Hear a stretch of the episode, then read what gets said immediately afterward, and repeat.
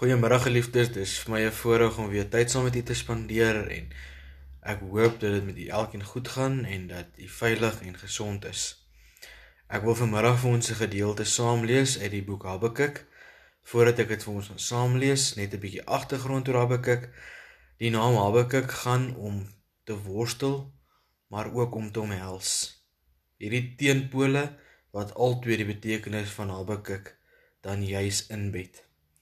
As jy kyk na die boek uh, Habakuk, dan gaan dit oor die klagtes van die profeet oor die heersende onreg en oor God se skynbare afwesigheid teenoor die optrede van die vyand.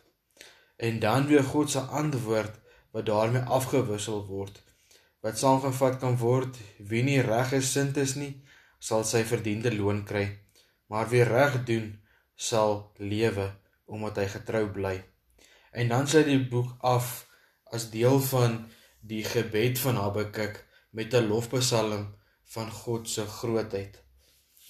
Ek wil u uitnooi, ons gaan saam lees aan die einde van Habakuk, Habakuk hoofstuk 3 vanaf vers 16 tot aan die einde.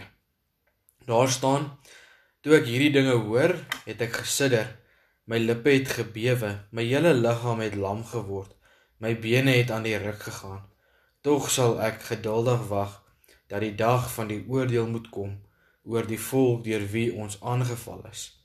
Al sou die vyeboom nie bot nie en daar geen druiwe aan die wingerde wees nie. Al sou die olyfoes misluk en die lande geen oes lewer nie.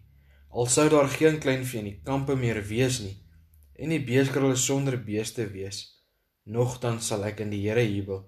Sal ek juig in God, my redder. Die Here my God gee my krag. Hy maak my voete soos die van 'n ribbok. Op hoë plekke laat hy my veilig loop vir die koorleier met snare spel. Geliefdes, as ons vir 'n oomblik nadink aan die betekenis van Habakuk en aan die opsomming van die boek Habakuk wat ek in die begin gegee het, dan is vers 16 juis 'n vers wat vir ons kom beskryf hierdie oorweldigende omstandighede wat die profeet Habakuk bedreig en die volk saam met hom. Hulle sidder, hulle lippe bewe, hulle liggaam het lam geword, hulle bene ruk. Dit is gevoelens waarmee ons dalk kan mee assosieer in dit waarmee ons vasgevang word. Die ongemak, die onsekerheid, die vrees, die oorweldigende gedagte van dit wat vir ons voorlê en ons weet nie wat dit is nie.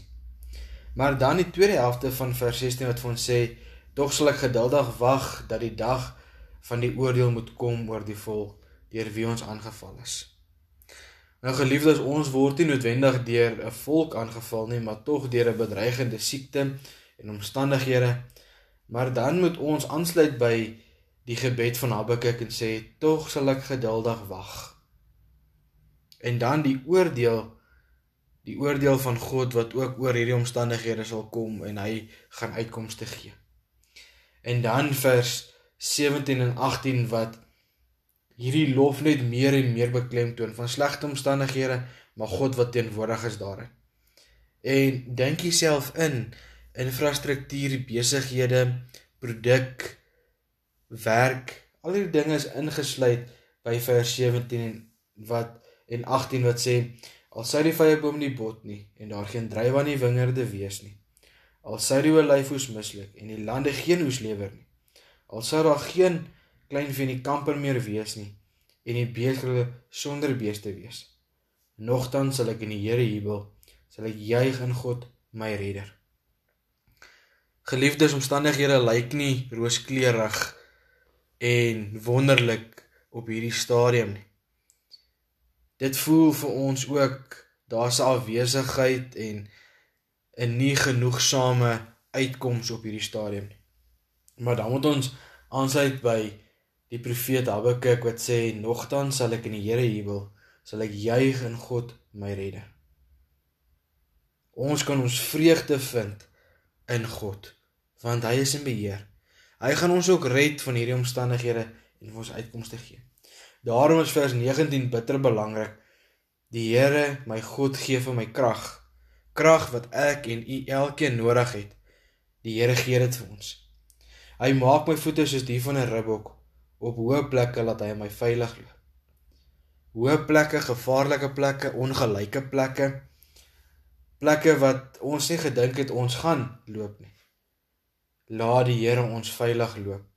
Dit is as ons ons geloof en ons vertroue en ons hoop in hom stel. Daarom sal ons krag hê en daarom kan ons uitsien na dit wat voorlê met die wete ons kan ons vreugde vind in die Here want hy is ons redder. Mag dit in ons gedagtes draai vandag en mag ons weet dat daar by God uitkomste wag. Kom ons soek hom in gebed en volhard daarin. Kom ons bid saam. Here, dankie vir u woord. Dankie vir hierdie gedeelte wat ons saam kon gelees het uit u woord met met die profeet Habakuk se gebed.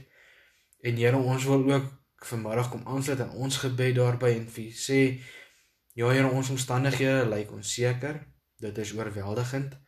Dit is nie duidelik hoe die dag van môre lyk nie. Tog wil ons vir kom dankie sê vir die uitkoms wat reeds besig is om plaas te vind, Here.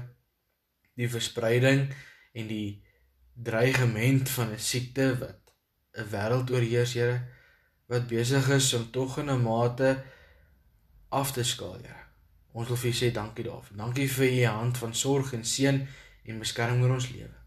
Dankie dat ons kan weet U is besig met ons elkeen in ons fisiese lewe waar ons krag nodig het, waar ons energie nodig het, waar ons deursettingsvermoë nodig het.